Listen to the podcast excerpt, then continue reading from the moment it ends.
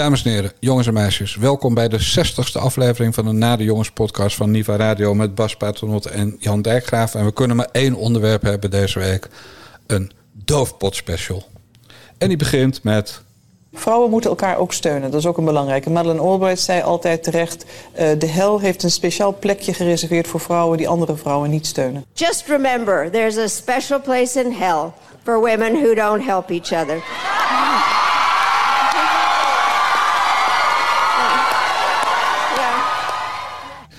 Nou Bas, er hebben wat mensen onder de steen gelegen misschien de afgelopen dagen. Het was tenslotte prachtig weer. Praat jij de mensen even bij? Uh, nou, ik denk dat de mensen het inmiddels, uh, het inmiddels wel weten. Uh, er is een, er is een MeToo-affaire rondom Frans van Drimmelen gaande bij, bij D66. En daar is al heel lang geleden een rapport over verschenen. En iedereen wist ook dat daar een, een, een, een, geheime, een geheim onderdeel, een geheime bijlage bij zat. Uh, maar niemand wist wat erin stond. En nu weten we dat erin staat dat Frans van Drimmelen echt een hele, hele, hele foute uh, uh, baas is. Ja. En de vraag is nu, wat, wist, wat wist Sigrid Kaag daarvan? En uh, de officiële lijn is dat ze daar heel weinig van weet, omdat ze geen inzage heeft gehad in dat, uh, dat rapport. Klopt. Frans van Drimmelen is uh, directeur van een public affairs bureau, een PR-bureau, maar is ook oud landelijk bestuurslid, waarnemend penningmeester van D66, bestuurslid van de afdeling Kaag en Brasem van D66. en was voorzitter van de talentencommissie en daar wringt hem de schoen. De talentencommissie die bepaalde wie er hoog of niet hoog op kandidatenlijsten kwam, wie er in aanmerking kwam voor uh, Europees Parlement, voor het voorzitterschap van D66. Kortom, een zeer invloedrijke man. En wat iedereen bijna vergeet te noemen, uh, maar wat we toevallig weten omdat de NRC het zich vorig jaar een keer liet ontvallen, is dat Frans van Drimmel ook de campagneleider was van Sigrid Kaag toen ze lijsttrekker wilde worden van D66. En ja. tot de dag van vandaag een van haar uh, vertrouwenspersonen is. Ja. Kortom, het is niet alleen een D66-partijtopper die al 100 jaar rondloopt. Maar het is gewoon een intimus van Sigrid Kaag. Nou, waar wordt hij van verdacht? Uh, of verdacht. Wat heeft hij gedaan? Stalking, chantage en bedreiging van een, uh, een mevrouw die werkte voor D66. En hoe durf ik te beweren dat hij dat gedaan heeft? Hij is bij de politie geroepen voor een zogenaamd waarschuwingsgesprek. Ja, wat echt heel veel is, hè? Ja, dat mag je wel zeggen, want uh, meestal gebeurt dat niet. Ja. Dus Van Drimmelen is zo fout als de neten. Nou, in dat er een bijlage bij zat, zoals jij zei, dat wisten we allemaal. Maar we wisten niet dat het hoofdrapport 21 pagina's was en de bijlage 70 pagina's.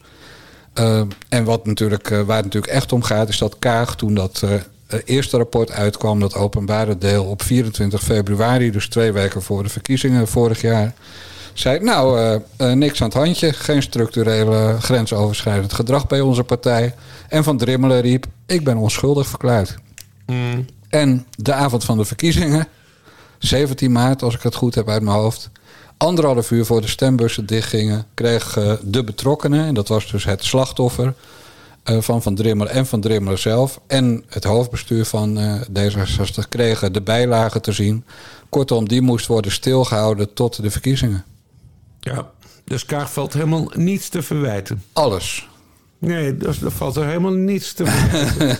Want ze heeft dat, ze heeft, dat heeft ze meermaals gezegd. En dat heeft haar, heeft haar voorlichter gezegd. En dat zegt de partij. En dat zegt de fractievoorzitter uh, van D66. Kaag heeft dat rapport nooit ingezien. Er is, dus er is helemaal niks aan de hand. Er is nee. één ding wat wel meespeelt. En dat bleek dus uit dat, uh, dat artikel van de Volkskrant. Is dat die mevrouw, het slachtoffer, uh, driemaal met Kaag contact heeft gezocht. Uh, maar de laatste keer uh, was in april 2021. dus toen wist het slachtoffer al van die geheime bijlagen en die, en die had hij gelezen. En toen heeft ze Kaag gebeld en gezegd: Nou, mevrouw, u moet mij toch maar gaan helpen, denk ik. En rectificeren. En ja, want, want ze, wil, ze wil een rectificatie om, om het slachtoffer. Ja. omdat mensen nu nog steeds kunnen denken van... ja, nee, misschien lag het ook wel aan haar... waar twee, eh, waar twee eh, kiften hebben twee schuld. En dat is eigenlijk het enige problematische, eh, problematische voor Kaag. Want Kaag heeft toen... eh, dat tijdens dat telefoongesprek in april 2021 tegen die mevrouw gezegd... nou, het is het beste dat u even contact opneemt met de advocaat van D66. En dat is vuil en dat is laag en dat is...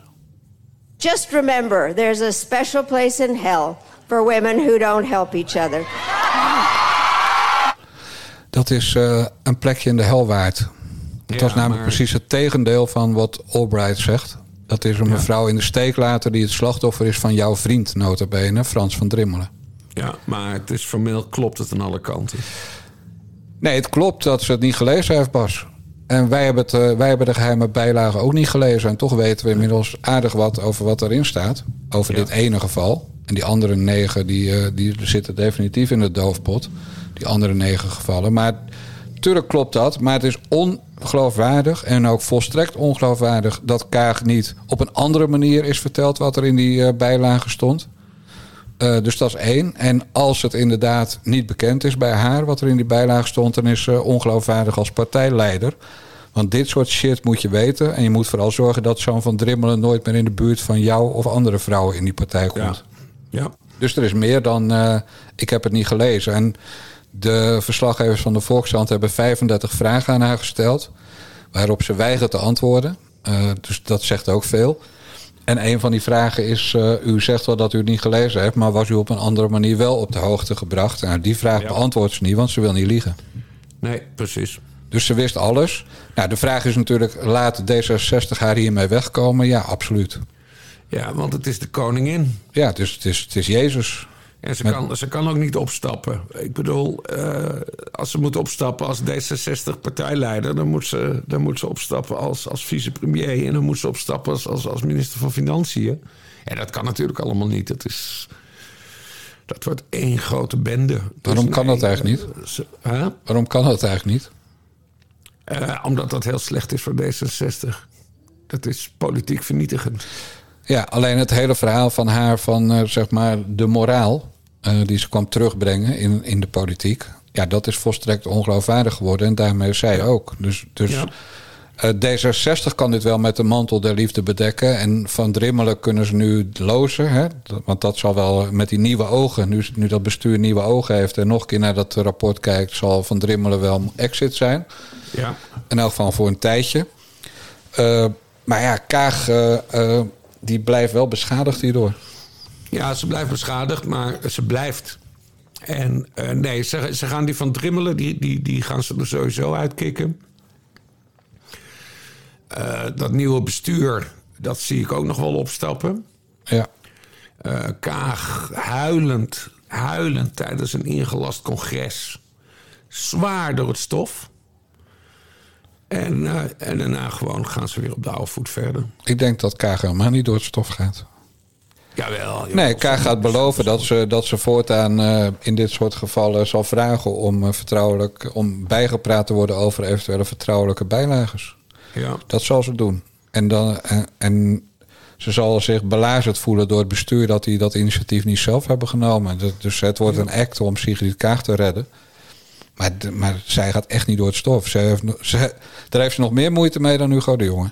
Ja, ja, ja. Nee, maar ik bedoel, ja, nee, ik bedoel meer met door het stof eigenlijk wat jij inderdaad zegt. Dat ze zegt van, eh, vanaf nu eh, laat ik mij door alles op de hoogte houden wanneer het over dit onderwerp gaat. Ik heb dit te formeel gedaan. Eh, ik had die mevrouw niet moeten doorverwijzen. Ik had naar haar verhaal moeten luisteren. En ik had moeten aandringen eh, dat ik toch inzage had willen hebben in dat geheime rapport omdat het eh, partij aangaat, maar ook mij. Ja. Zoiets. Dat maakt ze er dan van. Precies. Maar wat grappig is, dat, dat ze natuurlijk vorig jaar wel een commissie hebben ingesteld voor dit soort gevallen.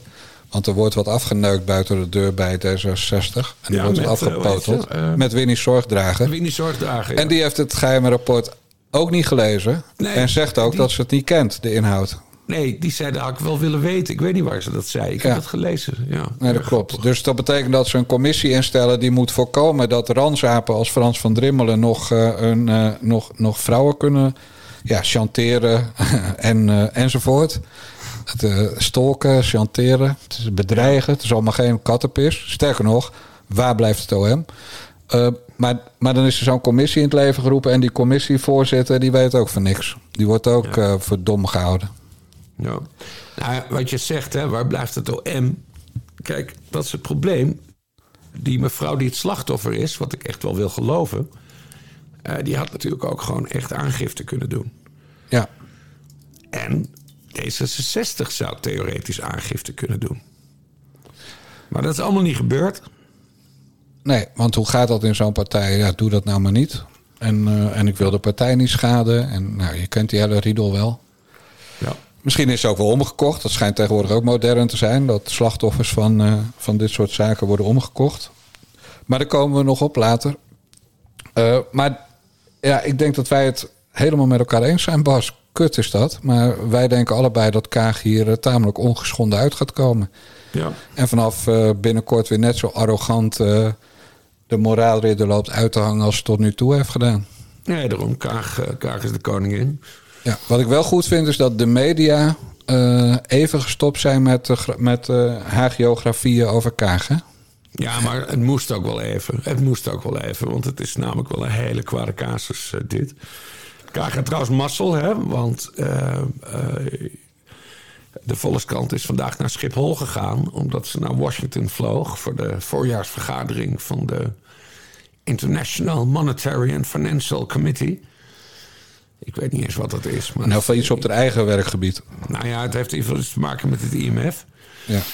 En eh, dus zij zit tot en met donderdag eh, in de Verenigde Staten. Dus D66, ja, dat, dus, dan heb je tijdsverschil.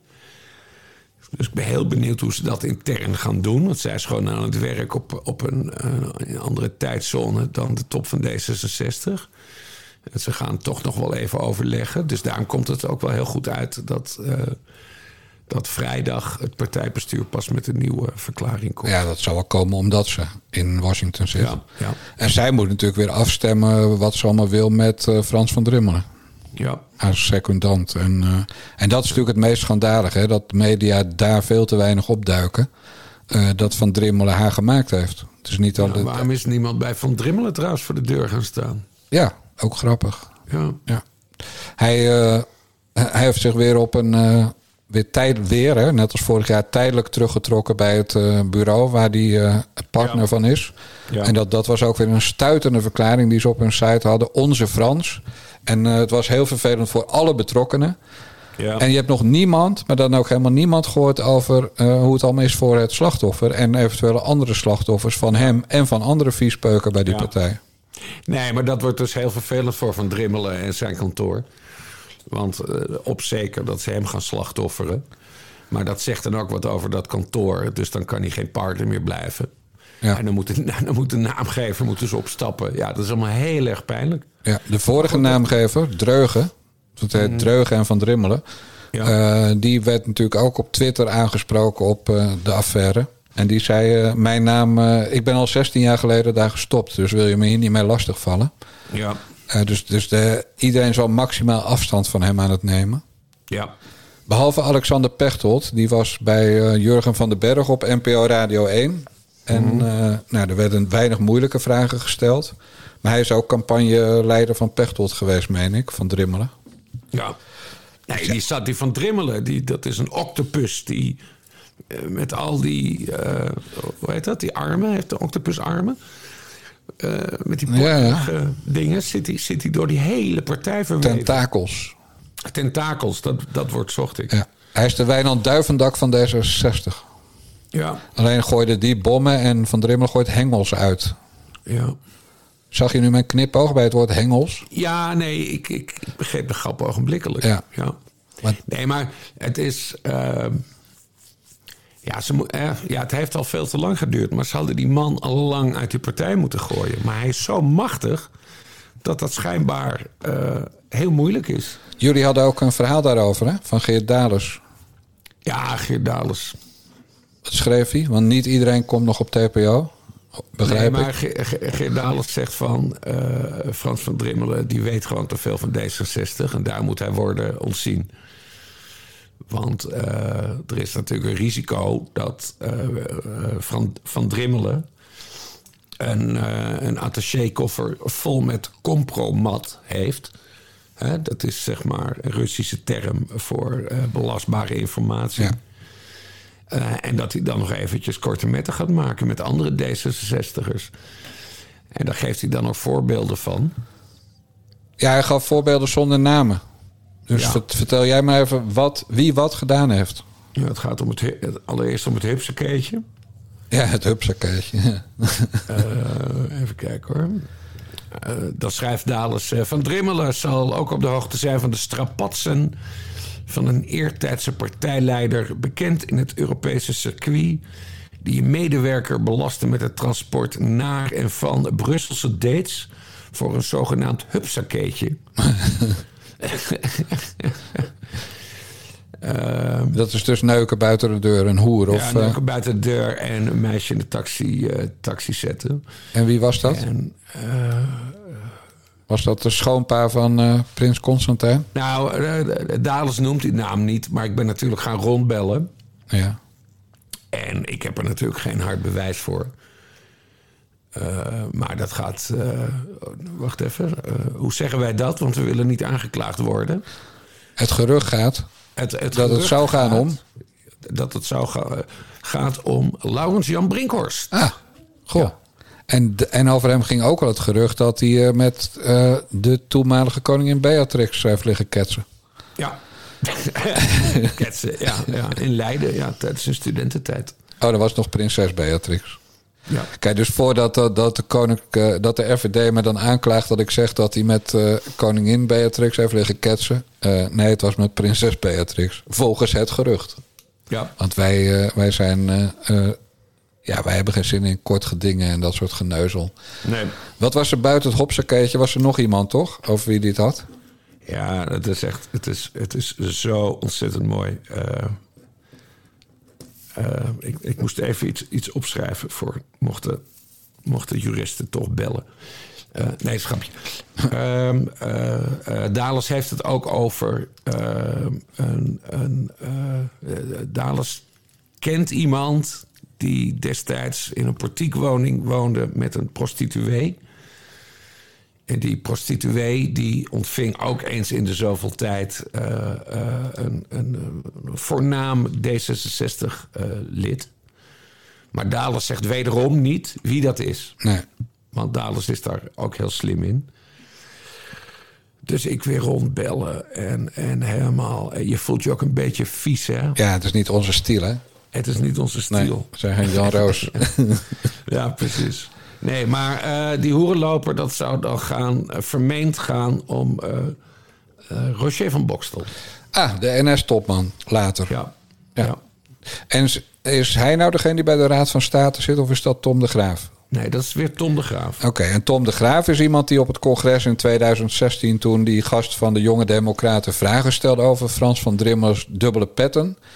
waren er drie mensen die, die voor de integriteit van Van Drimmelen instonden. Dat waren Alexander Pechtold, Sophie In het Veld en Tom de Graaf. Ja, exact. En Tom de Graaf is eigenlijk een soort eh, Hermans van, eh, van D66. Lo- eh, de vader van Sophie Hermans bedoel ik. Qua, qua machtspositie.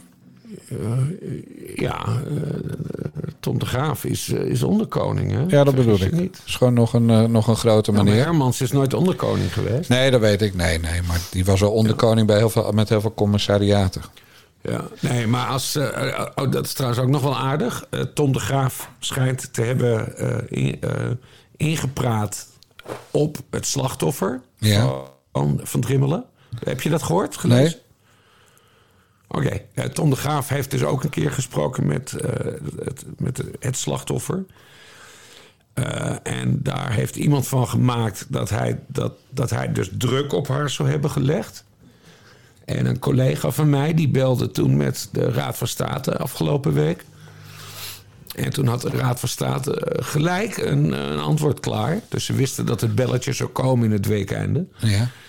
Eh, van eh, nee, hij heeft daar niks ontraden. Er is wel een gesprek geweest. Ja. Bende, hè? D66. Wat een zootje. En Op weet een je, morele high horse. het, het verrast denk ik ook niemand. Nee. Het de, enige, de echte, enige echte fout van Sigrid Kaag is, eh, is dat ze inderdaad de moraalridder uithangt, maar de, de zaak niet op orde heeft in haar eigen partij. Nee. En dat kan deels komen omdat ze die partij niet kent, omdat ze heel haar leven in eh, het buitenland heeft gezeten tot 2016. Eh, toen ze via het ministerschap eh, premier wilde gaan worden, met de hulp van Van Drimmelen. Ja. En weet je, en van Sigrid Kaag ver- verrast het mij niet en jou denk ik ook niet. Want ja, iemand die, die in dienst is van buitenlandse zaken en haar huwelijk met een PLO'er eh verzwijgt omdat ze anders eh, haar functie, haar vertrouwensfunctie kwijtraakt. Ja, toen Ja, die is gewoon niet te vertrouwen. security clearance is ze kwijtgeraakt. Precies, gewoon niet te En vertrouwen. is ze naar de VN gegaan. Ja, nooit te vertrouwen geweest. En, dan, en dat is geen klein bier, hè? Ik bedoel, je hebt een vertrouwensfunctie. En, en dan trouwen met iemand die eh, PLO-minister is bij Yasser Arafat. Die toen nog echt door diverse landen, waaronder de Verenigde Staten, werd gezien als een terrorist. Eh, nou, ik zag, ik was heel jong toen, maar ik zag eh Yasser Arafat ook als een terrorist. ja, dat was hij natuurlijk ook gewoon. Ja. Maar, de, maar eh, haar man was dus minister in, in, het, in het schaduwkabinet van Arafat. Ja. Nou, daar trouw je dan stiekem mee. Dat kan, hè? Dat zou liefde kunnen zijn. Maar dan moet je wel het fatsoen hebben om je baan op te zeggen. En, te, Ja, en dat tegen heeft je... ze niet gedaan. Nee, dat heeft ze niet gedaan. En, en toen wisten we al, Sigrid Kaag is een intens slecht mens. Ja. En dat heeft ze afgelopen tijd, zeg maar sinds vorig jaar, dat onderzoek. Sinds 24 februari 2021, toen dat openbare rapport iedereen aan het vrijpleiten was. Ja, heeft ze het ook in Nederland laten zien dat het een intens slecht mens is. Maar ze gaat het overleven. Ja, dat denk ik ook. En, en eigenlijk heb ik wel weer zin in een weddenschapje, Bas. Want nu kunnen wij samen niet wedden. eh, Maar we kunnen natuurlijk wel met onze luisteraars wedden. Nou, vertel dat plan maar. Nou, ik stel voor dat. eh, dan laten we zeggen, ze moet zondag nog in functie zijn. Aanstaande zondag. Wat is de datum dan? Het is nu. eh vijf, is nu de 9. twee, ja, dus de 22e. Klopt dat? Is dat zondag?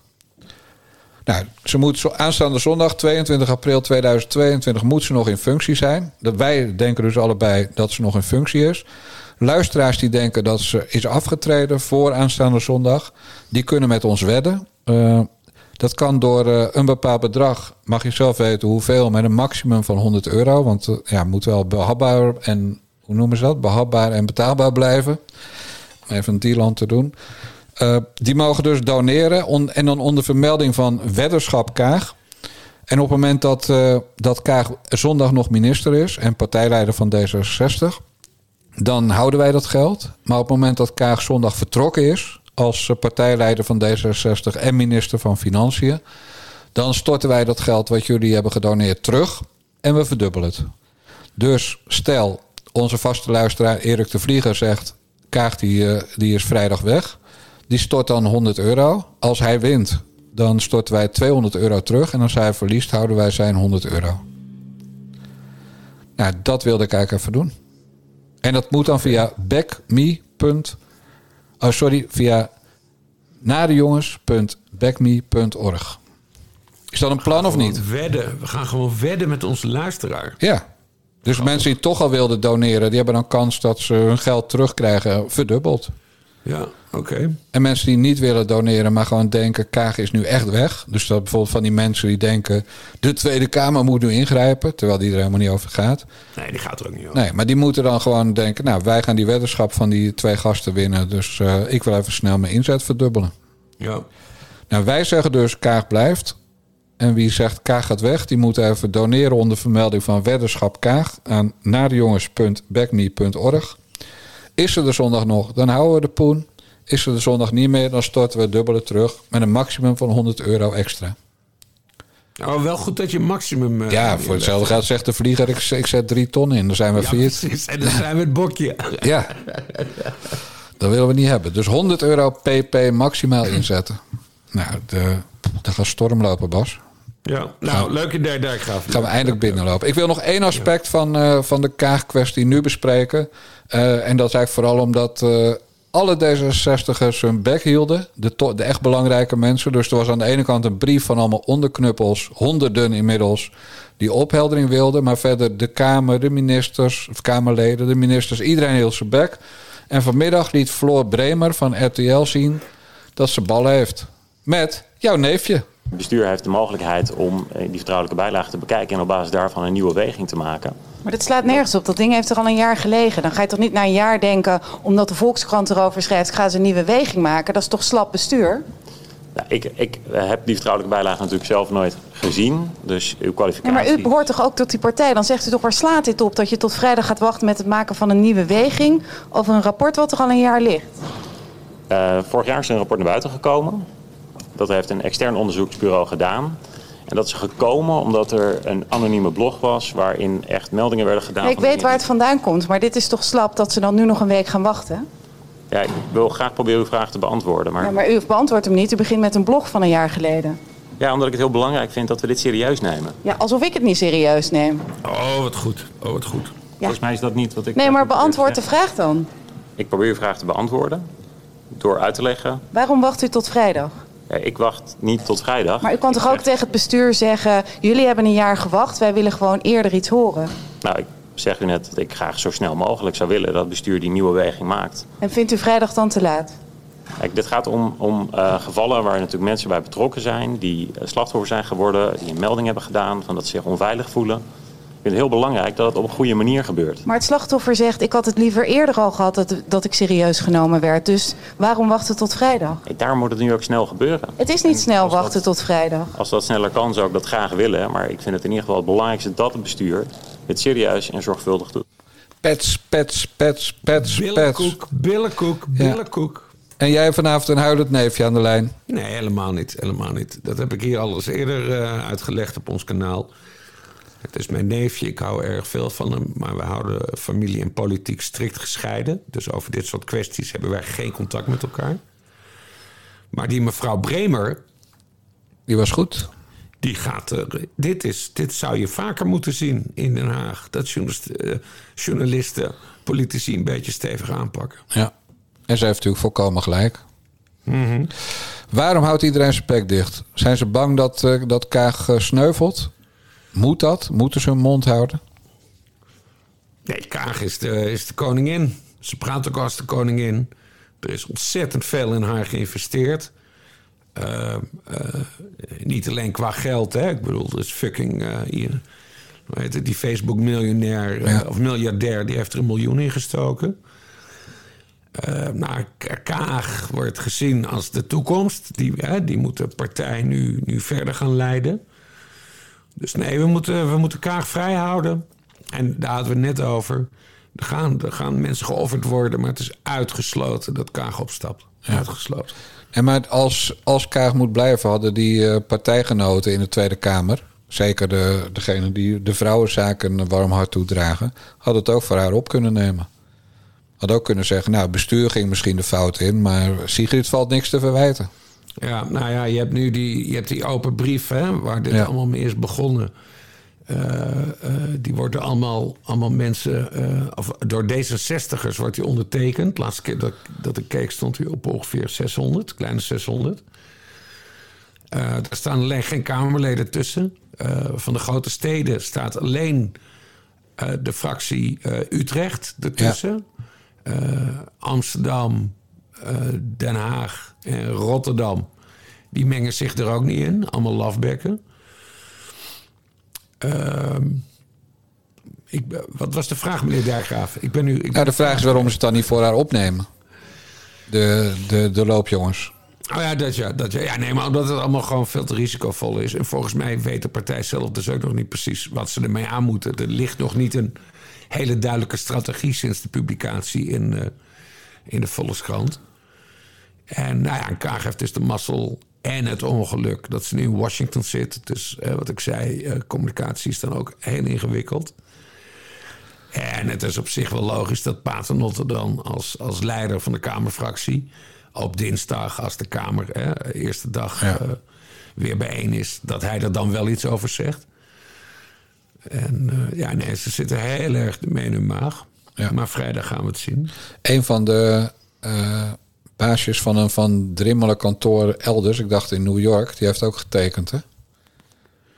Dus van, Ja, die kei, dat Ja. zag ik. Ja, die eh, van Drimmelen en of Dreugen en van Drimmelen, DR2 noemen ze zich ook wel. Ja. Die hebben ook een kantoor in eh, diverse andere plaatsen op de wereld. En die, de- Ja, en die kei, die, die werkt voor hun in New York. ja, En is D66er. En heeft die open brief ondertekend Ja. over meer veiligheid binnen de vereniging. Dat was de aanhef ja, dat is stoer. ja. Toch? Ja, dat vind ik stoer. Ja, dat is Eh, stoer. en Jeroen Mirk kan een kamerzetel ook wel vergeten. Jeroen Mirk. Ja, Ja, ja, ja, precies. ja toch wel. Maar kijk, nee, maar ik durf te wedden dat niemand die op die lijst staat met een handtekening nog een carrière bij D66 maakt. De fractie eh, van D66 hier in Utrecht, zijn zes of zeven man, meen ik.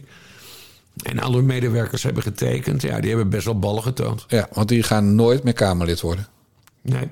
Kijk, Kaag die is wel in staat om, eh, om een, een, een erkende viespeuk als Sidney Smeets op de lijst te zetten. Ja. Iedereen die deze brief tekent, staat op, voor altijd op de zwarte lijst. Ja.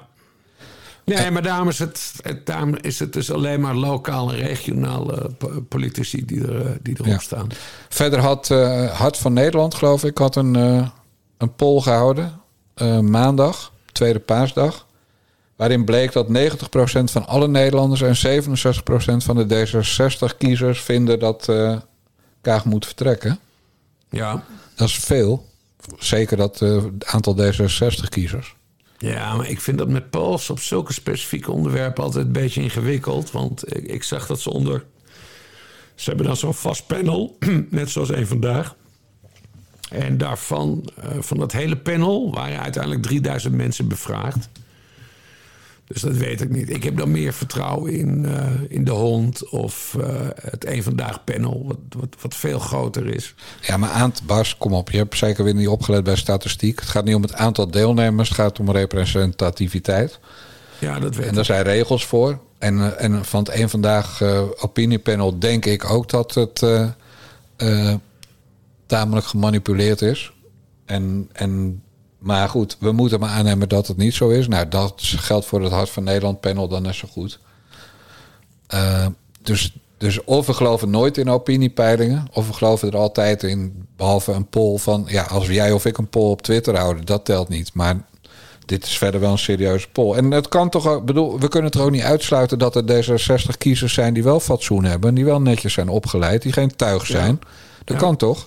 Ja, nou, er komt, er komt vrijdag komt er dus een nieuwe verklaring. Als het, eh, het eh, partijbestuur eh, het hele rapport eh, geheroverweegd heeft. En in juni of juli is er, meen ik, een partijcongres. Maar dan, dan leeft deze hele kwestie. Nee, precies. Want dan hebben ze van Drimmelen er al uitgegooid. Ja, dat denk ik ook. Dus ze dronken een glas. Weet je wie ze er ook uit kunnen gooien? Nee. Want dan zijn ze van twee problemen af. Sjoerd Sjoerdsma. Ja, Want hij was campagneleider, eh, dus niet van Kaag, maar van de, van de Partij. Kamerverkiezingscampagne. En dat kan niet anders dat Sjoerd Sjoerdsma, een van de magere mannetjes... ik noemde ze de eh, all, all, all the men, nou, All the President's Ja. men met Richard Nixon... dat die natuurlijk wel eh, op de hoogte was. Dus als, als Sigrid Kaag echt slim is, dan gooit ze en Van Drimmelen eruit... en Sjoerd Sjoerdsma. Ja, die zorgt ook voor slechte pers de hele tijd. ja maar als ze Shorts maar eruit gooien, dan krijgen ze bij ons zelfs bonuspunten. Ja, Bij ons, bij, bij heel Nederland die dat een hekel heeft aan D66. Want Sjoerd Ja. Sjoerdsma is het prototype D66er. Ja. Kaag trouwens ook, maar kijk, als we, als we dit als collateral damage kunnen meepikken, lijkt me dat, Dat helemaal toppie. Ja, want Ja. Sjoerdsma is natuurlijk gewoon een rat. Ja. Eerste klasse rat. Ook een intens slecht mens. tientje- als ze Sjoerd Sjoerdsma eruit gooit, doneren wij een tientje de neus aan deze. Nou, doe ik 20. ja, nee, goed, goed plan. Dan gaan we die omwedden. Ja, nee, Sjoerdsma die blijft gewoon, eh, Bas. ja, nee, die blijft wel. Vies, smerig, één gluipertje is het. Ja. Hey, ik wil nog even één ander aspect eh, van deze kwestie. Want we moeten natuurlijk niet net doen alsof dit alleen bij D66 speelt. Hè. We, we, we komen eh, eh, nog te spreken, denk ik wel, over een andere partij. Maar het gebeurt overal. Het gebeurt bij bedrijven, het gebeurt bij televisieshows. Het gebeurt in relaties van zoontjes van televisiebazen. Er is altijd gekut tussen mannen en vrouwen. Dat is gewoon zo. Maar er, is, er wordt nooit of zelden, on, in elk geval bij politici, door het Openbaar Ministerie onderzoek gedaan. En daar is eigenlijk maar één uitzondering op. En daar gaan we toch even aandacht aan besteden. En hier is Hila voor de nieuwstrend vandaag over het PVV-Kamerlid Dion Graus. Ja, spraakmakend artikel vandaag verschenen in NRC. De wereld van Dion. Een artikel gebaseerd op honderden documenten, apps, mails, video en geluidsopnames. Allemaal ingezien door de krant. En wat bijzonder is, die opnames zijn met medeweten van Graus zelf gemaakt. Graus laat zijn hele leven op video vastleggen door zijn huidige vriendin. Om ooit Dion de Movie te maken? dat klinkt wel heel erg mooi. Dit is wel de bedoeling om na de politieke carrière inderdaad een film, mogelijk boek en een strip uit te brengen. Ja, talloze gevoelige gesprekken zijn opgenomen, zelfs van fractievergaderingen waar geen telefoon is toegestaan. Nou, al die informatie heeft zijn ex-vrouw nu ingeleverd bij de Rijksrecherche. En begin 2019 deed deze ex aangifte tegen Graus vanwege psychisch misbruik en gedwongen seks met derden. Graus reageerde toen zo. Iemand die uit rancune handelt en die nu probeert zelf een fout te zetten, nu probeert op mij eh, te projecteren. Ja. Je ex bedoel je nu? Ja, en dat, is, dat doet heel veel pijn, maar ja, ik, ik kan er verder niks aan doen. Later heeft zij de aangifte laten vallen. Maar uit dit nieuwe ingeziene materiaal blijkt volgens NRC dat Graus zijn ex-vrouw wel degelijk jarenlang heeft aangezet tot seks met zijn beveiligers. Want Graus wordt niet, net als Wilders, beveiligd door de overheid, maar investeerde zelf in zijn veiligheid. Nou, deze beveiligers stuurden dan geen factuur, maar hadden seks met zijn vrouw. Even los van de ranzigheid. Uh, dit is dus een zaak waar het Openbaar Ministerie heel erg zijn best op heeft gedaan. Dus er is heel serieus onderzoek naar gedaan, naar ja. die nieuwe aangifte. En wat blijkt, uh, ze hebben geen zaak tegen Graus uh, kunnen opbouwen. Oftewel, nou, laten we er maar van uitgaan dat het Openbaar Ministerie bij iemand van de PVV heel erg zijn best doet. Meer dan ze ooit bij Van Drimmelachtige types zouden doen. En dus kom je tot de, moet je tot de conclusie komen dat uh, de onschuldpresumptie, heet dat zo? Hmm. In elk geval dat we moeten veronderstellen dat Dion Graus dus onschuldig is aan waar hij van beschuldigd werd. Natuurlijk. Nou ja, het, het, pers, het, het, Openbaar Ministerie heeft op uh, 30 december vorig jaar, dus de dag pardon, voor oud en nieuw, het, het persbericht uh, verstuurd dat er geen bewijs was voor een zedendelict, dan wel mensenhandel. Uh, en dat, uh, ja, er is gewoon geen bewijs uh, voor, voor dat Gauss zich aan zulke soort dingen schuldig zou hebben gemaakt. En dat de zaak daarom geen verder vervolg krijgt. Dus dat staat zwart op wit. En, en dat is dan het aparte. Er is dus een meneer die al sinds zondag naar iedereen ja. die kritiek op Sigrid Kaag heeft. En ik, het, het, moet, het moet als het wel een geautomatiseerde troll zijn. Tuurlijk. Maar hij stuurt het alleen naar mensen dus met kritiek. Dus niet op mensen. Dus het is niet dat hij reageert op het woord uh, uh, kaag.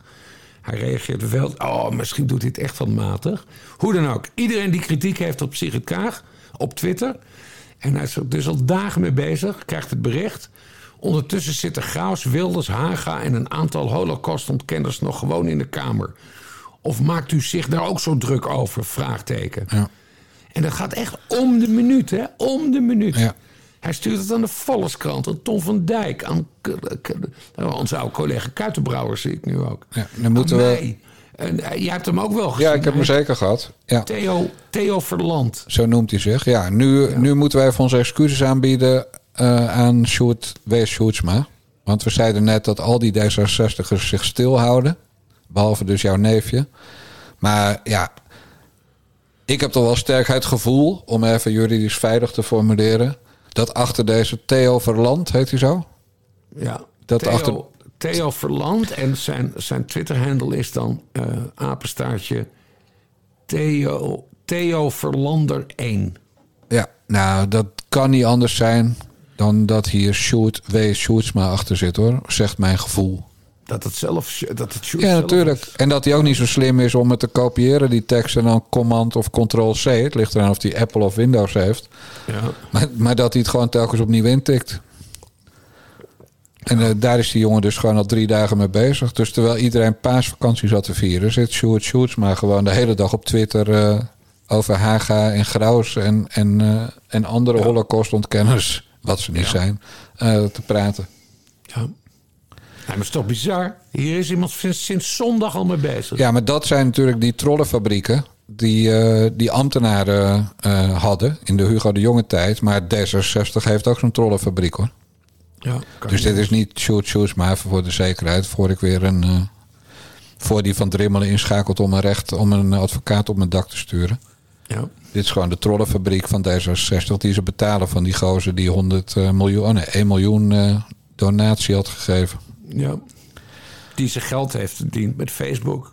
Ja, nee, dat bedoel ik. Het is gewoon, eh, dat kan niet anders. En die weten precies hoe dat Ja, werkt. met maar, maar, maar het- je krijgt dus inderdaad heel vaak de laatste dagen weer en Dion Graus dan berichtjes terug. Ja, daar word ik Maar zo goed, ziek Het van. Openbaar Ministerie heeft gezegd...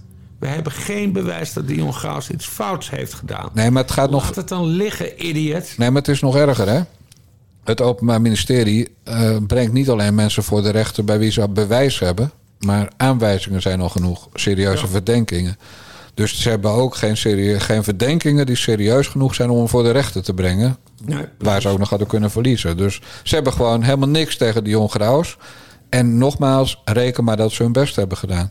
Ja. In zijn geval. En ook snel hebben gehandeld. Want binnen een jaar eh, was het hele onderzoek afgerond. Richard de Mos zou er jaloers op zijn, zullen we maar zeggen. Ja. Oh, ga maar Richard. hè. Ja. Maar ook arme Dion. Ja. Nou, dat is, dat is gekkigheid. Het is natuurlijk een rare, een rare kwiebus. Ja, het is een raar. Maar wel onze maar- rare kwiebus. Maar, maar dan hoef je die niet zo lang te laten, laten bungelen. Nee. Maar goed, nog altijd zeggen mensen, op, omdat NRC het schreef... van Dion Graus deugt ook niet. En ja, dan heeft het Openbaar Ministerie niet goed genoeg gezocht. Nou, mensen, dat was bij Demming. Dat weten we. Ja. Bij Dion Graus hebben ze echt wel goed gezocht. Ja, absoluut. In alle consternatie over D66 vergeten we dat er eh, nog een partij is waar het grote ellende is. Ploemen is nog maar net vertrokken als PvdA-leider. En nu plaatsen kopstukken, PvdA-kopstukken Frans Timmermans en Marjolein Moorman... een opiniestuk in de Volkskrant met een oproep aan partijgenoten... om niet in nostalgie te blijven hangen... maar om nu echt de krachten te bundelen met GroenLinks. Dus een intensievere samenwerking aan te gaan. Die timing is opvallend. Zo vlak na het vertrek van Ploemen moet de PvdA natuurlijk op zoek naar een nieuwe koers en een nieuwe leider. Dit stuk zie ik als een oproep aan de fractie van de PvdA om te stemmen voor iemand die voor verdergaande samenwerking is. En er wordt binnenkort gestemd voor een eh, tussenpaus. Dus ze willen natuurlijk graag, deze twee, eh, Marjolein Moorman en eh, Frans Timmermans, dat er gestemd wordt voor iemand die die samenwerking ziet zitten. Ja, dat waren de meisjes van WNL. Die wil ik Mm. toch, eh, probeer ik toch elke week even te noemen in onze uh, Nare Jongens podcast. Want Nare Jongens hebben een hekel aan de, de meisjes van WNL, omdat het D66 meisjes zijn. Maar goed, Timmermans eh, bemoeide dat. Ja, het, het lijk van eh, Ploemen was nog niet koud. Of Timmermans had al een opiniestuk geschreven. Kunnen die lui nooit alleen? Doen ze altijd met meerdere mensen tegelijk. In dit geval met, met die- Moorman. met die Moorman. Kortom, de laatste twee verkiezingswinnaars van de Partij van de Arbeid. Eentje Europees en één in, eh, in die kutstad. Wat moeten, wat moeten we hier nou mee? Kunnen ook gewoon negeren verder hoor. Zeg het maar. Ja, ik, heb, ik heb echt heel weinig interesse in hoe het, hoe het verder gaat met de, met de PvdA. Behalve dat het natuurlijk wel weer toevallig is. En dat is echt toevallig, dat is geen complot. Maar vrijdag komt D66, eh, het D66-partijbestuur... eh, dus met hun heroverweging Ja. over het rapport wat we net besproken hebben. Maar tevens eh, kiest de PvdA-fractie komende vrijdag een nieuwe fractievoorzitter. En de nieuwe fractievoorzitter is dan natuurlijk de tussenpaus van de partij. Want er zit geen, niet voldoende kwaliteit in de huidige fractie... om een echte kandidaat lijsttrekker binnen te halen. Nee, maar het is nog veel te vroeg nu voor een kandidaat lijsttrekker. Nee, maar ze kunnen het gewoon niet die daar zit. Wat ik nog saillant vind, is dat de plek van Ploemen die vrijkomt... want ze stopt niet alleen als eh, fractievoorzitter... maar ze is ook meteen als Kamerlid ge- gestopt... zodat ze nu van ons wachtgeld in haar moestuintje kan, eh, kan klooien. Ja. Is dat, eh, dat de zetel toekomt aan Gijs van... en ik kijk even op mijn briefje, Dijk. Dus niet Gijs van Dam, maar Gijs van Dijk... eh, die eh, eh, op verzoek van Ploemen een paar maanden geleden zijn zetel ter beschikking heeft gesteld. Die heeft dus recht op zijn functie, maar die zit niet bij die vergadering waarin een nieuwe fractievoorzitter wordt gekozen. En er zit wel bij Mo Mohandis, die, die Goudse Marokkaan die een paar jaar geleden ook in opspraak was. Dus ze verwachten bij de Waarom PvdA, was Moma Anders in opspraak? Dat ben ik even kwijt. weet ik niet meer. Volgens mij is Moma Anders nooit in opspraak geweest. Maar dan was dat een andere Marokkaan uit Gouda. Oh my god. Maar. Dat was een grap, man. ik wist dat je me ging inkoppen. je bent zo voorspelbaar. maar, eh, Wacht Mo- even, één seconde, één seconde, één seconde.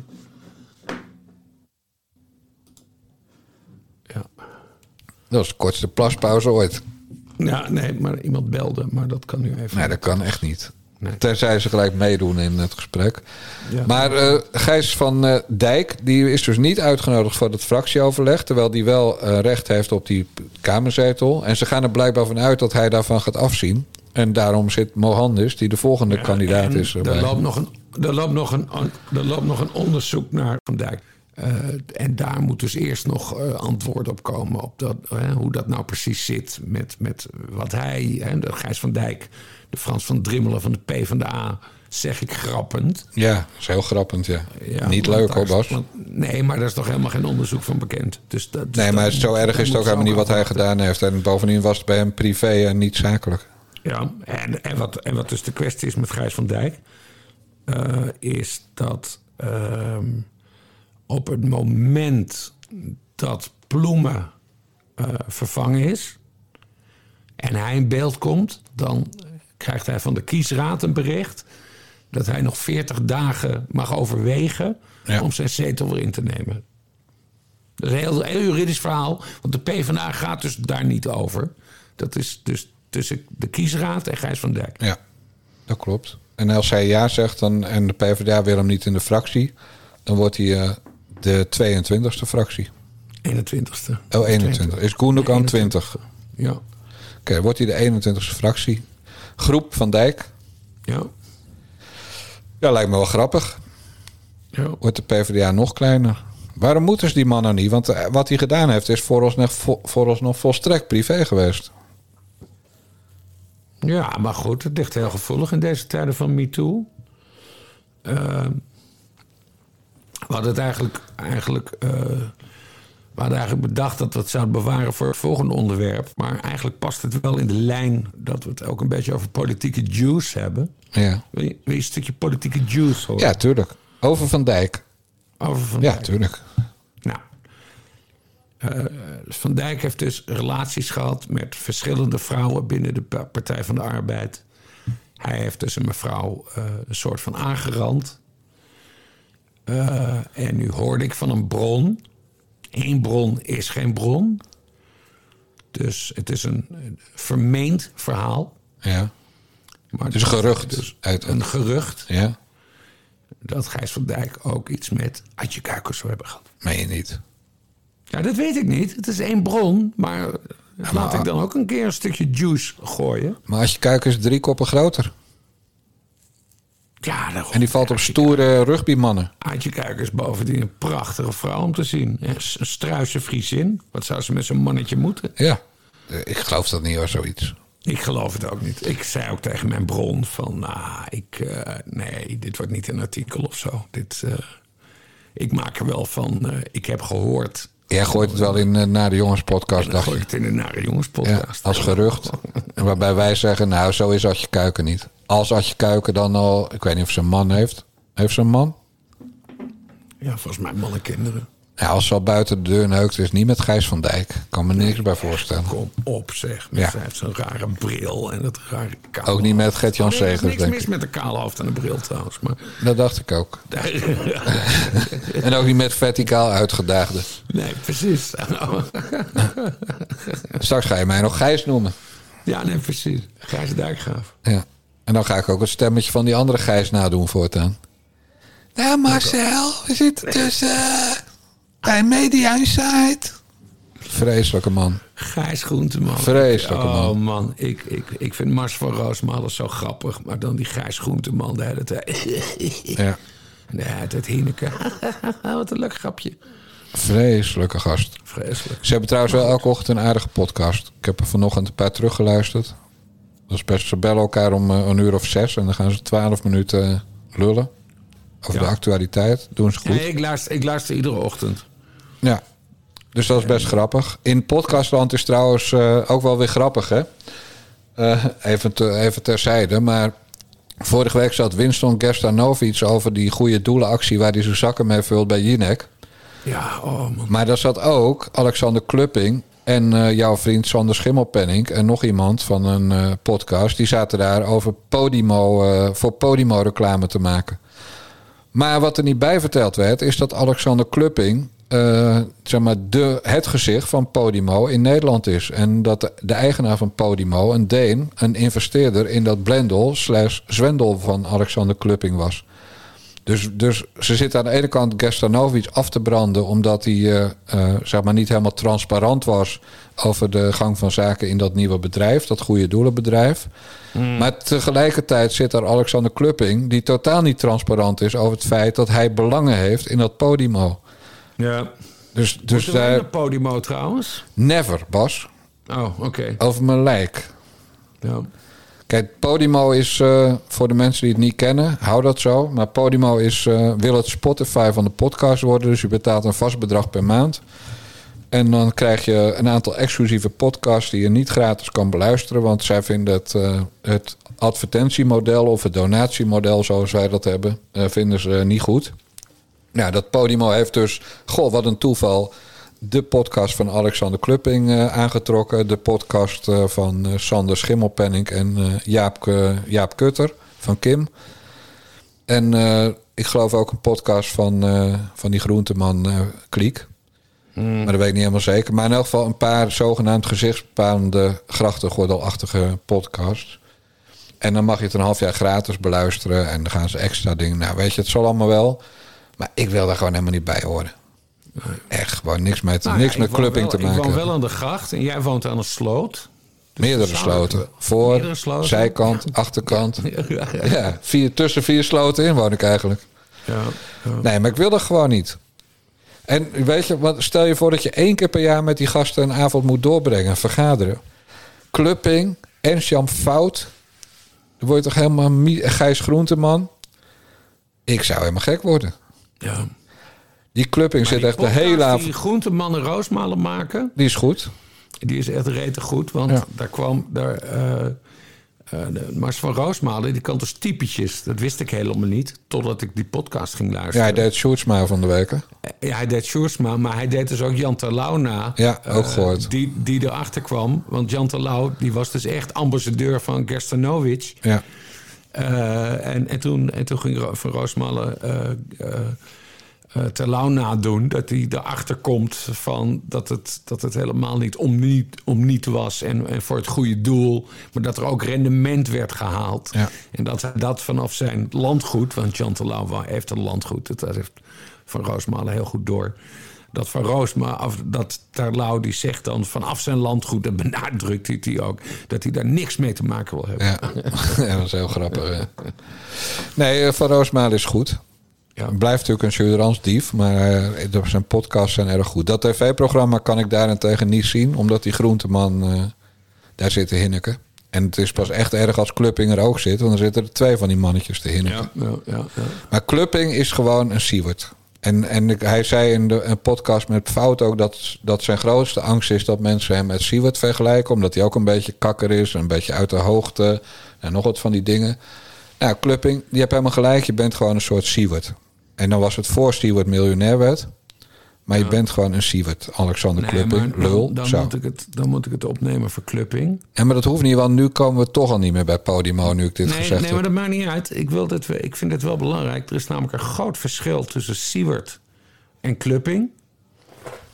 En dat is dat Siewert ons heeft verneukt met belastinggeld. En Clupping heeft ons verneukt met ons eigen geld. Met ons blendeltegoed, Ja, ik veel. ik krijg nog een tientje van je lul. Ja, ik ook. Jij ook een tientje. Ja, ik krijg ook nog een tientje. Ja, het is gewoon. Als die clubbing een beetje bal heeft, wat gezien dat hoge lachje van hem te betwijfelen valt. Maar dan stuurt hij jou een tientje en dan stuurt hij mij een tientje. En dan bepalen wij wel naar welk goed doel het eventueel gaat. Ja, naar welk rekeningnummer kan eh, Alexander Klupping dat tientje sturen? Nee, doe het maar gewoon naar uh, nadejongens.backme.org. Dan, uh, Heel goed. Onder vermelding van... Sorry heren, ik ben een schoft. Ja. Lukt dat, Klupping? Lul. nou, zullen we nog even één sukkel doen dan? Ja. Waar blijft de scoop? Ja? Gaan we naar de scoop? Ja, moet je zeggen. mensen. We hebben de scoop!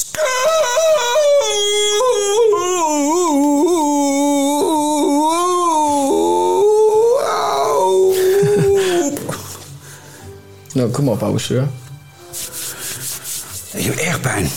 Wat is de scoop? Daar komt die. En dus echt waar, het is geen gelul. Johnny de Mol of John de Mol, alias familie de Mol. Hier zijn we gestopt. Want de scoop die Jan Roos presenteerde... Uh, die heeft hij dus offline moeten halen. En moeten ja. rectificeren. Ja. En nog meer dingen. Dit is uh, uit Roddelpraat. De, het Juice Channel van Jan Roos en Dennis Schouten. Nou, die hadden een scoop over, uh, John, over de familie De Mol. Het verhaal dat, uh, dat zij vertelde was dat de familie De Mol getuige van een knokpartij van Johnny met zijn ex in de Harbor Club in Amsterdam zou hebben omgekocht voor 5000 euro.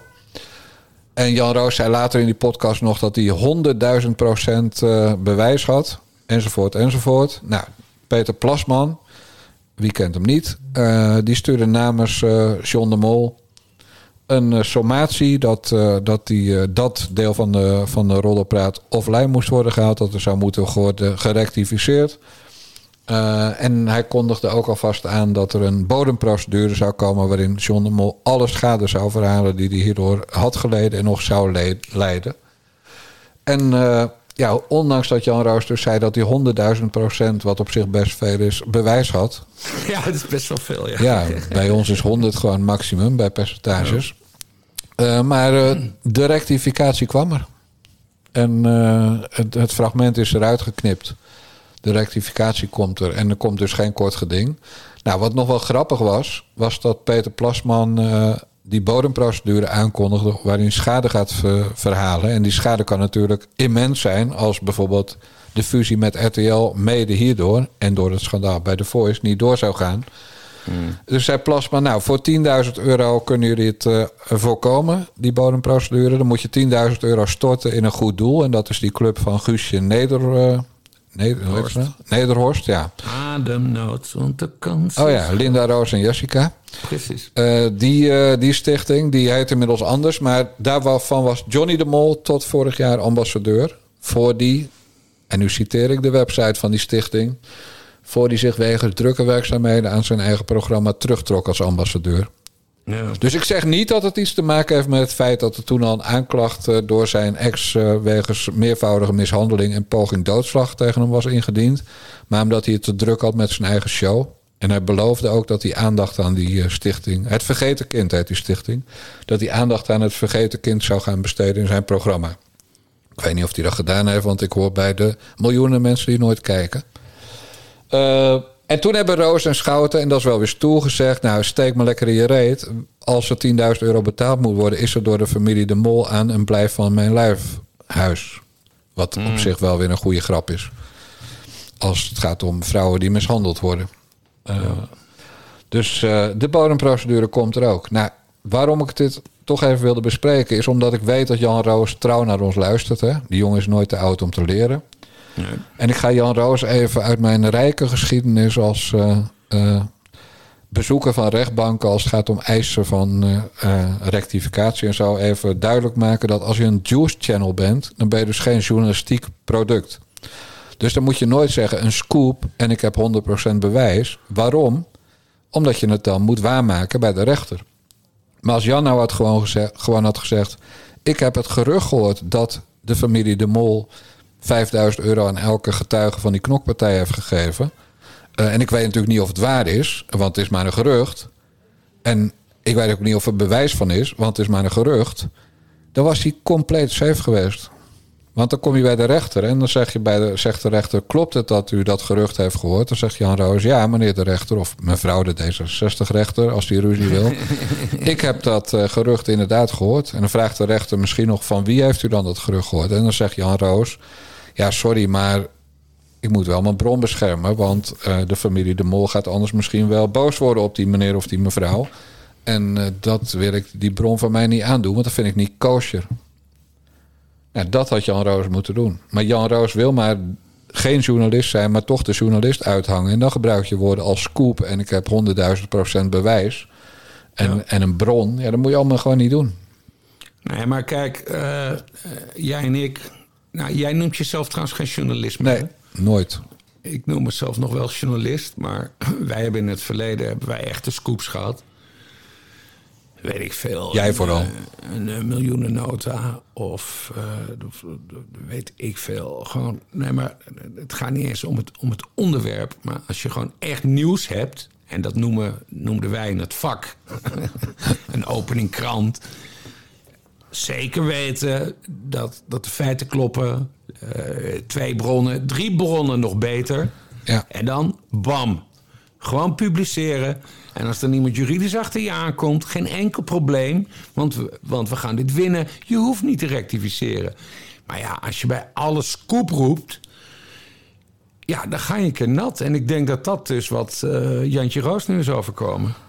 Kijk, en wat ook nog meespeelt, is dat als Jan Roos en Dennis Schouten dingen doen die echt wel normaal zijn, zoals met die Femke Louise laatst, dat is een liedje wat zij had uitgebracht Daar over hadden ze wel Ali B. beet, beet, toch? Hè? Daar hadden ze wel beet. Ja, maar ook daar zijn ze veroordeeld. Eh, en dat heeft, dat, dat, dan gaat het over intellectueel eigendom en dat soort dingen. Dus, dus eh, de rechters. Laat ik zo zeggen, er zijn weinig rechters die als Jan Roos binnenkomt denken... nou, die meneer mag van mij wel winnen. Dat is niet eh, zeg maar, het gevoel wat rechters bij Jan Roos blijken te hebben... Hè, op basis van de zaken die de afgelopen jaren hebben gespeeld. Eerder het tegendeel. Het, het is toch een beetje een jongen met een grote smoel. En als ze hem al kennen, kennen ze hem, eh, eh, ja, kennen ze hem niet als de man die hele goede dingen heeft gedaan voor het Oekraïne-referendum. Waar wij hem dan weer van kennen. Of als grappenmaker. Dus, dus Jan Roos heeft zijn kop tegen, laat ik het maar zo zeggen. Ja, en, hij heeft, rechter eh, is. en hij heeft dat gekke YouTube-kanaal waar die dingen proeft en dan in een, in een pannetje gaat Ook kotsen. nog, ja. Dat, Ja. Dat, vind ik ook niks hoor. Nee, dus- nee maar dat, dat maakt allemaal niet uit. Maar ze moeten hem gewoon niet. Dus je, hebt, je staat al met 3-0 achter. En zeker als je dan tegenover een eh, multi, multimiljardair zou komen te staan. Eh, die komt dan met Peter Plasman. Eh, die natuurlijk gepokt en gemazeld Ja, is. En ik, vind dus niet, ik vind dus niet dat het Jan Roos moet worden eh, eh, aan- aangerekend. aangerekend. Dat hij zich heeft ingezet voor een overigens zeer belangrijk referendum destijds. Of dat hij in een pannetje kotst. Of dat hij in een, in een Duits uniform rondloopt. daar, wordt hij ook, daar wordt hij ook altijd mee gepakt. Ja, terwijl de context was volstrekt duidelijk. Hij, was Acteren.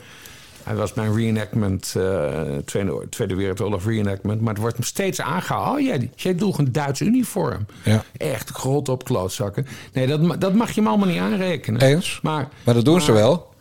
eh, Dat doen ze wel. En dat vind ik heel flauw. En dat vind ik gemeen. En dan, en dan zeg ik ook van... eh, dan laat Jan Roos met rust. Zeg ik dan. Maar ja, de heet dat scoop roepen. En dan nat gaan. Aan Ja, de andere niet kant, die John, John de Mol eh, junior... Dat is natuurlijk... eh, nee, John de Mol... Johnny. Zijn vader, zijn, va- zijn vader was senior. Ja. Dus, Dus Johnny, hè, bedoel en jij? toen kwam Johnny, maar ik heb het dus over John de Mol. Ik heb het over grote John. Ja. Ja, dat is natuurlijk wel een force om rekening mee te, te houden. Want ja, die man die heeft een oorlogskas van heb ik jou daar. Ja, dat klopt. Dus ook al heb je gelijk, die gaat gewoon net zo lang door met allemaal juridische procedures dat je helemaal kapot bent. Nou, het gaat voor. Op zich Ik valt denk het. dat zelfs een rechter je daar niet tegen kan beschermen. Nee, Dat op zich- op iets anders pakt. Op zich valt. Nee, maar dat valt wel mee. Een bodemprocedure kan Jan Roos dan verliezen. En dan, Mhm. is, dan kan je in hoger beroep. En dan kan je geloof ik nog een keer naar de ja, cassatie. Ja. En dan nog naar het Europees Verdrag van de Rechten. Of- en, en eh, ja, dat is cassatie. Hof en toestanden. Europese Hof als laatste. Dus, dus de, het valt wel mee, maar het kost inderdaad heel veel geld. Eh, maar het, het risico is het bedrag van de schade. Hoeveel schade doe, breng je iemand toe als je beweert dat hij eh, iemand heeft omgekocht en je kan het niet bewijzen? Ja. dat, dat weet je niet. En normaal bij gewone rechters is een schadevergoeding van 1500 tot 10.000 euro. Ja, dan ben je er wel. Ja. Ze moest aan Femke Louise ook 10.000 betalen, dacht ik. Maar dat, dat is allemaal wat te overzien. Maar je wil gewoon niet... Kijk, die jongens die hebben de familie De Mol al tegen. Ze hebben letterlijk, geloof ik, een, eh, een, eh, een verbod om het Talpa-pand in te komen. Die Dennis en, eh, en Jan. Eh, dus het is gewoon dom om. Het is gewoon dom. Want je bent geen journalistiek programma. Je bent roddelpraat. Je bent een Juice channel. En Juice betekent roddel. Dus zeg gewoon: we hebben een nieuwe roddel. Dat doet die Yvonne Kolderweijer veel slimmer. Ja. Nou, dat brengt ons op het eh, politieke Juice channel. Wat wij moeten gaan beginnen vinden, veel mensen. En daar heb ik helemaal geen trek in, Bas. Nou ja, we hebben net een paar voorbeelden gegeven. Eh, Geert Dales, die dus met een mooie column komt... en dat ik dan even ga rondbellen... en dat, dat er dan toch namen omhoog komen. En eh, nou, dat verhaal over Adje Kuiken en Gijs van Dijk... wat ik net heb gehoord. Maar ja, zijn we hier niet te deftig voor, Jan Dijkgraaf? We hebben een keer eh, natuurlijk... eh, Een blad gemaakt. Een roddelblad gemaakt. Ja. Met een rokende Femke Halsema voorop. Ja, dat was, was een groot succes in de verkoop. Maar heel veel gezeik. En weet je, Heel veel ik, gezeik. jij zegt, klopte alles, hè? Want we hadden wel Ja. alles gecheckt. jij zegt te deftig, maar ik denk meer te lui. Want die rechtszaken die spelen altijd in Den Haag of in, in Amsterdam. Dus dan moet je weer in de auto stappen, jij in de trein. En dan moet je naar zo'n rechtszaal en dan eh, dat bekende riedeltje. Ja, dat is sowieso veel te veel werk voor mij. Daar heb ik helemaal in. Nee, en, en eh, kijk, in dat roddelblad stond bijvoorbeeld een eh, zwangerschapstest van de, de toenmalige echtgenote. Ik weet niet of ze nog getrouwd zijn van Alexander Pechtold. Negatieve test. En dus anders dan bij Anne Lok, dat eh, raadslid van D66 uit Meppel, dat hij bezwangerd heeft. En daarna eh, aandrong op een eh, abortus.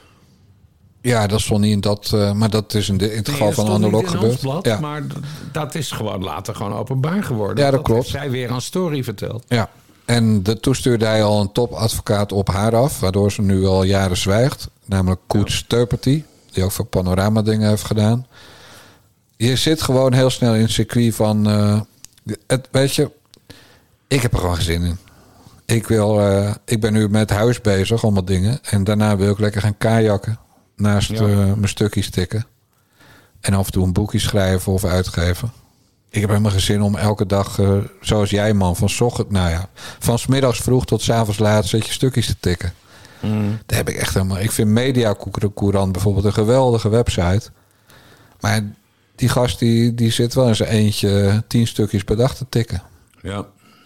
Ja, en dat doe jij geloof ik ook wel. Ja, maar ja, nee, politieke juice. Ik, ik- het, het is wel een interessant onderwerp om er nog even eventjes op te reflecteren. Ik meen, toen ik nog in de Tweede Kamer werkte, dat. Even kijken wanneer dat. Ja, dat moet ongeveer rond 2004 zijn geweest. Toen hebben zowel privé als story. Ik heb geen idee wie toen de hoofdredacteuren waren. Die wilden afspreken met allemaal parlementair verslaggevers. Om te kijken, ze wilden, ze, ze wilden zeg maar roddelpraat, hè, waar we het dus Ja. over hebben, letterlijk. eh, eh, naar die bladen te halen. En, maar niemand wilde daar meewerken. Want ik, vond, hè, ik had het net over deftig. Ik vond mijzelf er ook veel te deftig voor. Dus van ja, daar kan ik je niet bij, eh, bij helpen, vriend. Maar later is daar toch een kentering in gekomen. Want tijdens verkiezingen, eh, met name Story... ik denk dat trouwens onze vriend daarachter zit dan. Guido. Eh, Guido, den aantrekker. Eh, met name tijdens verkiezingen... dat opeens lijsttrekkers of andere Kamerleden... interviews gingen geven Ja, aan klopt. Story. Ja. En dat vond ik wel heel geestig. Omdat dat, ja, ik denk dan weer een beetje in verheffing. Dat is ook goed voor die lezers van Story. Dat ze een keer een Kamerlid in hun bladen tegenkomen. En dan niet een of ander verhaal dat iemand wordt afgeperst door zijn homohoer. Maar gewoon een interview met een Kamerlid over dit en dat en, en bladibla. Nou, weet je wat, wat ik het best vind? Politici in die tijd, hè, dat is de bekende kinderwagen van Wouter Bos. Eh, in, in de tijd van verkiezingen, dan staan ze open voor allemaal dit soort dingen. En als de verkiezingen voorbij zijn, dan zeiken ze dat soort media weer af. Dan is het allemaal weer ranzig en zo. Je moet gewoon niet Bos heeft meewerken. toen echt meegewerkt met die publicatie... dat hij met een lege kinderwagen Ja, ja. Ja, dat is toch maar dat was helemaal afgetikt met de Partij van de Arbeid... En, de, en de campagneleiding. En Diederik eh, met zijn dochter. Weet je dat nog? Diederik Samson met zijn geestelijk eh, eh, licht gehandicapte dochter... waar hij dan misbruik van maakte in de verkiezingscampagne.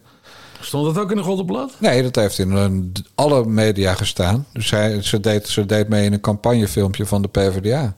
Ja, ja, ja, dat weet ik nog. En dat, dat, is, dat is zo stuitend. Want als een roddelblad dat had gebracht... de, de dochter van eh, Diederik Samson zit op een speciale school... en bla, weet ik veel... dan had het roddelblad aan de hoogste boom gemoeten. En dat gezeik, dat is eigenlijk mijn voornaamste... dat gezeik heb ik helemaal geen zin meer in. joh. Heb ik al genoeg gehad in mijn leven. Maar ik vind wel dat er moet komen. Want veel belangrijker ik dan... Ook, ik denk ook dat de, de, de informatiepositie... Stel je voor, hè, als, je, als je een politiek juice channel wil beginnen... Ja. dan moet je dus een goed netwerk hebben. Nou, je hoort altijd wel wat en iemand wil je wel wat toevoegen. Maar als ze op een gegeven moment... dat wordt dan een beetje groot... ik denk dat je hele netwerk opdroogt. Nee, ik denk het niet. Ik denk dat het precies zo werkt als bij parlementaire journalistiek. Dat de, de ene partij elke gelegenheid aangrijpt om de andere partij eh, zwart te maken. Alleen dan met juice. Ja. De- ja, maar dan word je dus, dan word je dus een, een, een tool. Dan word je een stuk gereedschap van politiek Den Haag.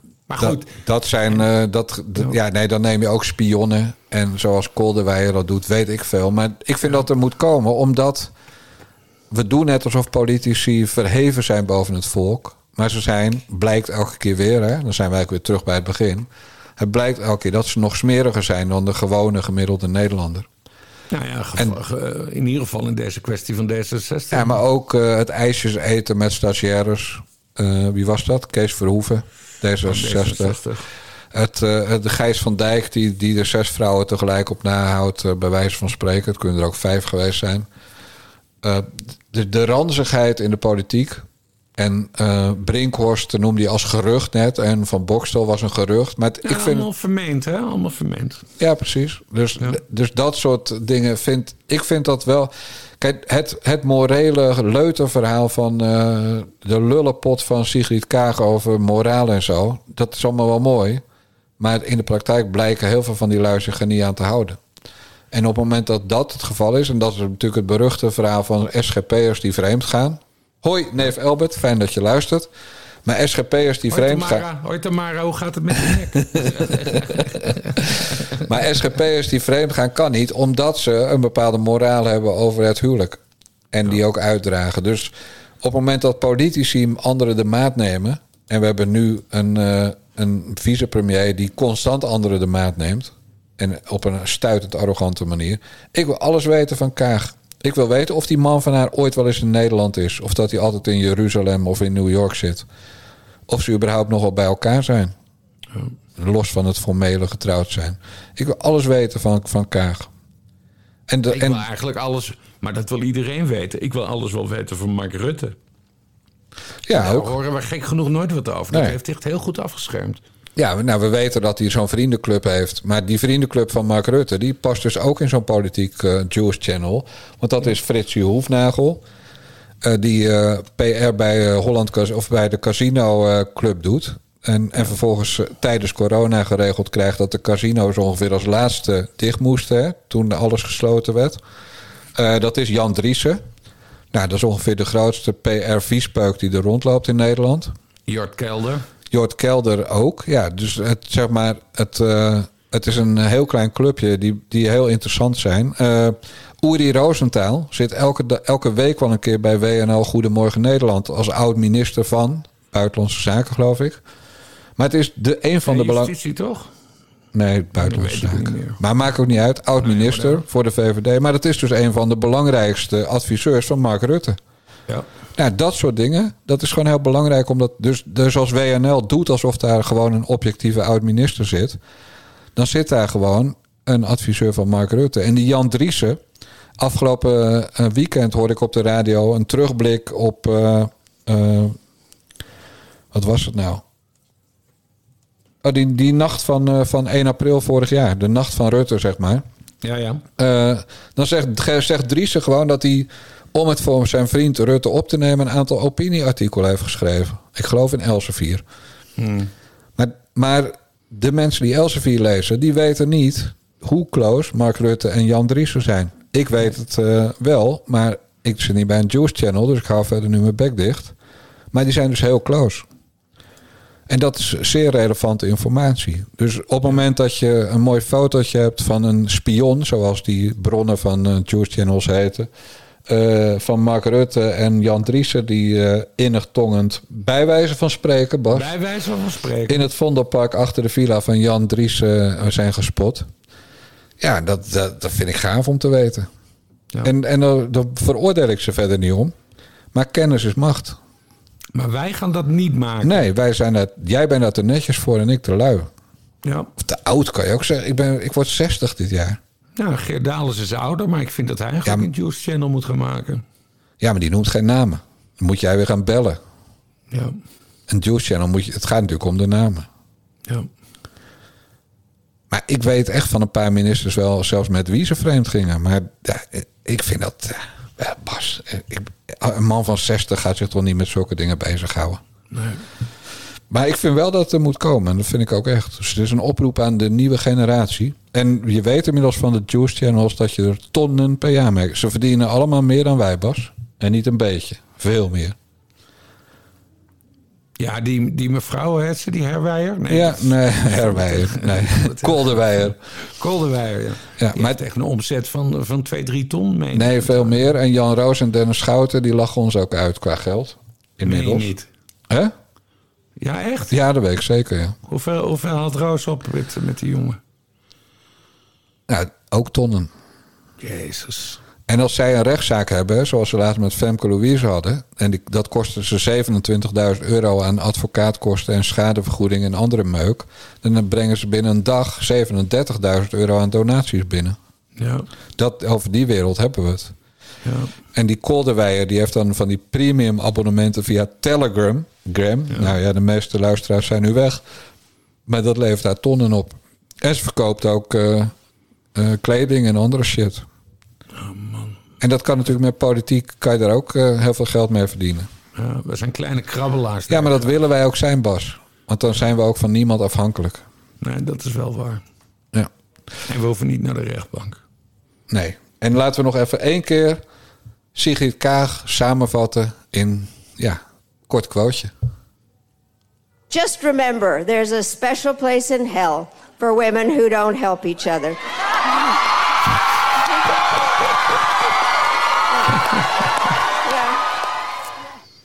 Naar de hel met Kaag. Spreekwoordelijk natuurlijk. Ja. Nou, we hebben hem, eh Dijkgraaf. Mooi. Dit, beste mensen, was alweer de 60ste aflevering van de Nare Jongens podcast van Niva Radio. Onze website is nivaradio.nl. Doneren kan bij de Nare Jongens podcast op tpo.nl. Via narejongens.backme.org of via bunk met een q.me slash Niva Radio. De mazzel. Doei doei.